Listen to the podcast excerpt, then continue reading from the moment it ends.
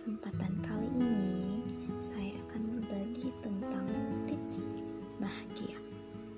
Jadi, bahagia tidak diperoleh dengan memiliki rumah yang besar, bukan dengan memiliki kendaraan yang mewah, bukan dengan memiliki fasilitas yang lengkap, bukan dengan menjadi seorang yang terpandang, bukan juga dengan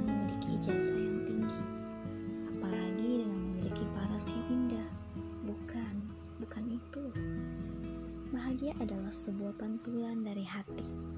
Hati yang dibalut cinta akan menuai kebahagiaan. Hati yang berteman syukur akan selalu merasa bahagia. Betapa banyak kesengsaraan sebab cinta dan syukur tak lagi berpadu dalam hati. Jika kekayaan bisa membuat orang bahagia, maka Adolf Merkel, orang terkaya di Jerman, tidak akan menabrakkan dirinya ke kereta api. Jika ketenaran bisa membuat orang bahagia, Michael Jackson, penyanyi terkenal di USA, tidak akan minum obat tidur hingga overdosis.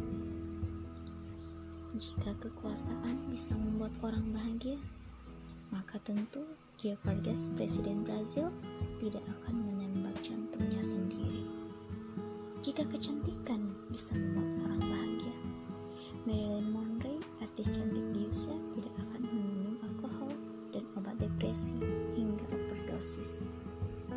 Jika pendidikan tinggi bisa membuat orang bahagia, Thierry Costa, dokter terkenal di Perancis, tentu tidak akan bunuh diri karena sebuah acara di televisi.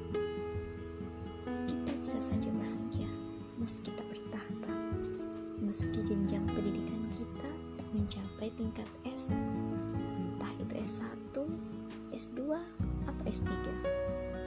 Kita bisa saja bahagia meski kita kerja tidak berseragam, tidak berdasi, atau tidak memakai heels.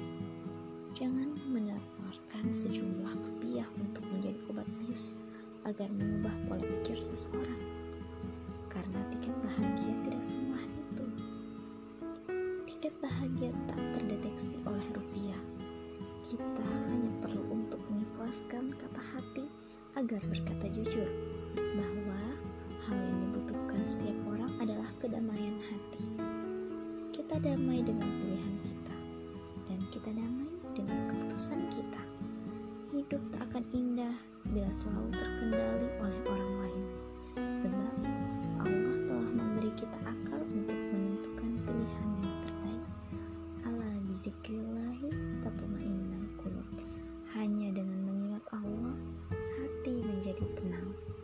Sumber buku Semua Orang Pasti Sukses karya Andrew Faulan